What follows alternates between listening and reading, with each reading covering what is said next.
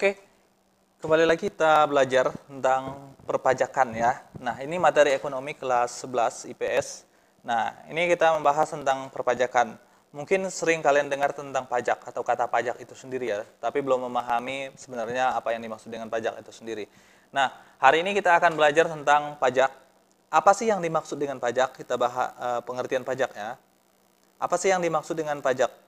Pajak adalah kontribusi wajib kepada negara yang terutang oleh orang pribadi atau badan yang bersifat memaksa berdasarkan undang-undang dengan tidak mendapatkan imbalan secara langsung dan digunakan untuk keperluan negara bagi sebesar-besarnya kemakmuran rakyat. Nah, di sini dapat kita simpulkan, pajak adalah kontribusi wajib kepada negara. Artinya, kamu mau tidak mau harus bayar pajak itu sendiri, ya. Dan bersifat memaksa. Artinya, Eh, ketika kamu tidak bayar pajak, kamu bisa dikenakan sanksi, kamu bisa dikenakan denda, bahkan bukan hanya bayar pajak, tidak bayar pajak aja, bahkan kamu tidak lapor SPT pun, kamu bisa dikenakan denda. Nah, itu pengertian dari pajak itu sendiri. Terus apa saja sih fungsi dari pajak? Mungkin kalian hanya selama ini menganggap, wah, kok saya bayar pajak tapi nggak tahu apa fungsi dari pajak itu sendiri. Nah, fungsi pajak yang pertama adalah fungsi budgeter atau fungsi anggaran ya. Nah, ini adalah fungsi utama dari pajak. Suatu fungsi di mana pajak dipergunakan sebagai alat untuk memasukkan dana secara optimal ke kas negara. Ya. Alat untuk memasukkan dana secara optimal ke kas negara. Artinya pendapatan atau penghasilan atau pemasukan dana ke kas negara paling banyak itu didapatkan dari pajak. Ya. Nah, setelah uh, kas uh, dana itu masuk ke kas negara, dana tersebut digunakan untuk kemakmuran masyarakat. Yang kedua adalah fungsi alat pengatur. Pajak dapat digunakan sebagai instrumen untuk mencapai tujuan tertentu. Nah, di sini untuk mengatur, ya. Contoh ketika pemerintah ingin melindungi produk lokal, maka pemerintah dapat menetapkan pajak impor barang lebih mahal. Harapannya, ketika pajak barang impor lebih mahal, maka barang impor tersebut juga akan menjadi mahal. Nah, ketika harga barang impor mahal, kemungkinan produk-produk lokal dapat bersaing dengan produk-produk impor tersebut. Nah, yang ketiga adalah fungsi alat penjaga stabilitas. Ya, fungsi alat penjaga stabilitas. Pajak digunakan untuk menstabilkan ekonomi. Ini hampir mirip dengan fungsi yang kedua.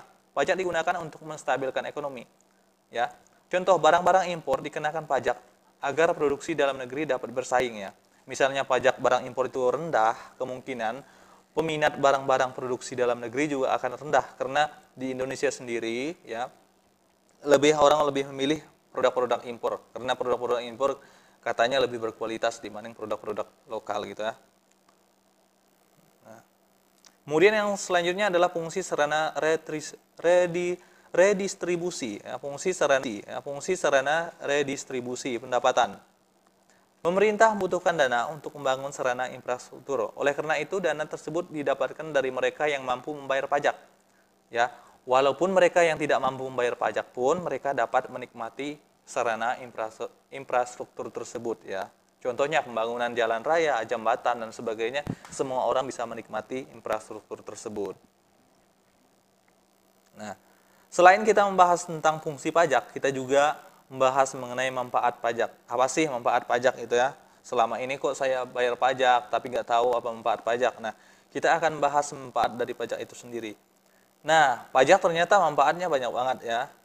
Nah, bahkan hampir semua aspek yang kita adakan sekarang, yang pemerintah adakan sekarang itu dari pajak itu sendiri. Contohnya pendidikan. Pendidikan Kenapa pendidikan bisa gratis? Oh ternyata itu adalah dari pajak itu sendiri. Dana bos dari pajak gitu ya. Gaji pegawai negeri juga dari pajak.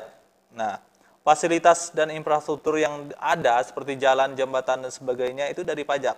Dana alokasi umum misalnya dana desa, ya, DAD dan sebagainya itu dari pajak semua. Pemilihan umum, penegakan hukum, subsidi pangan, subsidi BBM. Subsidi pangan contohnya adalah uh, subsidi beras bulog, subsidi BBM kalau BBM tidak disubsidi kemungkinan harga BBM itu uh, sangat mahal sekali ya. Pelayanan kesehatan, pertahanan keamanan, pelestarian lingkungan hidup, penanggulangan bencana, pelestarian budaya, transportasi massal. Selain itu menyediakan biaya listrik yang relatif terjangkau bagi masyarakat ya. Ya, ini disubsidi juga ya listrik ya. Nah, menyediakan biaya listrik yang ter, yang relatif terjangkau bagi masyarakat. Nah, selain kita membahas mengenai manfaat dari pajak, kita juga membahas tarif pajak itu sendiri ya. Nah, di sini yang pertama kita bahas adalah tarif pajak profesional. Tarif pajak profesional. Tarif yang tetap atau sejenis untuk setiap jumlah penghasilan ya. Nah, jika penghasilan kecil, jumlah pajak kecil. Sebaliknya, jika penghasilan besar, jumlah pajak juga besar. Seperti itu ya. Nah, kemudian tarif progresif. Penetapan tarif pajak semakin besar jika penghasilan bertambah. Ya. Jika pendapatan semakin besar, tarif pajak menjadi semakin besar pula. Seperti itu ya. Nah, tarif pajak degresif. Nah, tarif pajak semakin menurun jika penghasilan semakin bertambah. Nah, ini kebalikan dari progresif tadi. Jika pendapatan semakin besar, tarif pajak menjadi semakin kecil. Seperti itu. Kemudian tarif pajak tetap. Tarif pajak tetap, jumlah pajak tetap berapapun jumlah pendapatan, ya.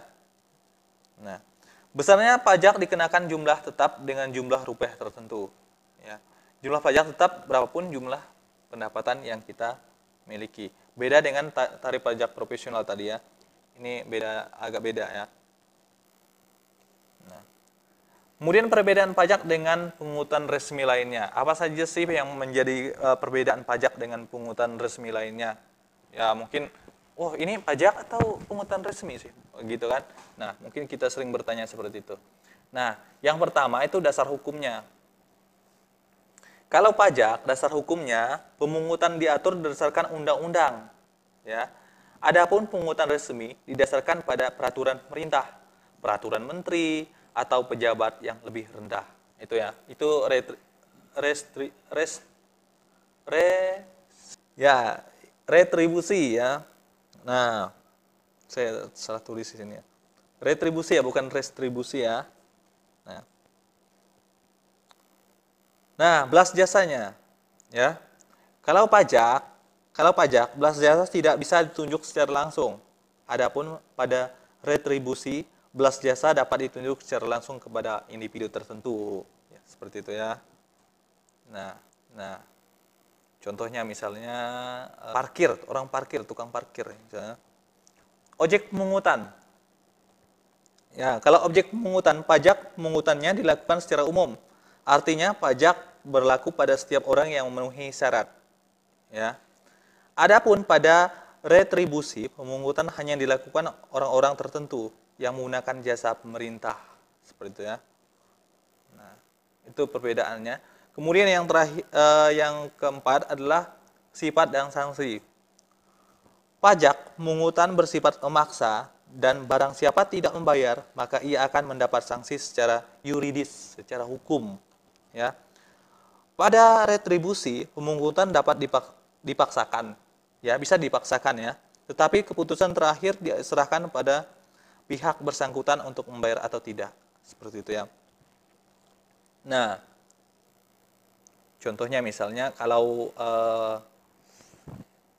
parkir ya, parkir. Nah, parkir yang diadakan pemerintah, kamu bisa bayar, ya, kamu dipaksa untuk membayar. Tapi kalau kamu betul-betul gak ada uang, gimana kamu bisa bayar gitu ya?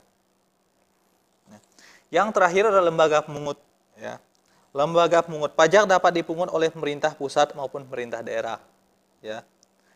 Sedangkan retribusi hanya dipungut oleh pemerintah daerah saja. Seperti itu ya.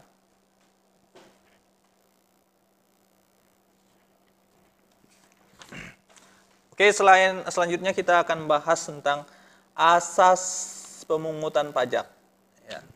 Asas pemungutan pajak. Pemungutan pajak pada prinsipnya harus memperhatikan keadilan dan keabsahan untuk itu pemungutan pajak hendaknya menjunjung tinggi asas pemungutan pajak yang dikemukakan oleh Adam Smith. Ya. Adapun asas-asasnya sebagai berikut ya. Nah, yang ke pertama itu equality. Ya, equality. Asas ini menekankan pentingnya keseimbangan berdasarkan kemampuan tiap subjek pajak. Ya. Kemampuan tiap tiap subjek pajak. Tidak ada diskriminasi di antara sesama wajib pajak ya. Pemungutan pajak yang dilakukan terhadap semua subjek pajak harus sesuai dengan batas kemampuan masing-masing ya. Uh, yang mampu bayar pajak dia akan bayar pajaknya berdasarkan kemampuan setiap wajib pajak seperti itu. Kemudian yang kedua adalah certainly. Ya, certainly. Asas ini menekankan pentingnya kepastian pemungutan pajak seperti kepastian hukum yang, yang mengaturnya, kepastian subjek pajak, kepastian objek pajak, dan kepastian tata cara pemungutannya. Kepastian ini menjamin setiap orang untuk tidak ragu-ragu dalam menjalankan kewajiban membayar pajak karena segala sesuatu sudah jelas. Seperti itu ya. Yang ke selanjutnya adalah convenience of payment ya. Convenience of payments. Nah, asas ini menekankan pentingnya asas dan waktu yang tepat dalam memenuhi kewajiban perpajakan. Ya. Asas ini mementingkan saat dan waktu yang tepat dalam memenuhi kewajiban perpajakan. Sangat kebijakan di eh, sangat bijaksana jika pemungutan pajak, potongan pajak dilakukan pada saat wajib pajak menerima penghasilan dan yang sudah memenuhi syarat objeknya. Yang terakhir adalah ekonomis. Ya. Asas ini menekankan penting prinsip ekonomis dalam pemungutan pajak. Artinya biaya yang dikeluarkan dalam pelaksanaan pemungutan pajak tidak boleh lebih besar daripada jumlah pajak yang dipungut. Oke ya. Nah, untuk hari ini kita bertemunya sampai di sini dulu. Nah, untuk video selanjutnya kita akan bahas tentang jenis-jenis pajak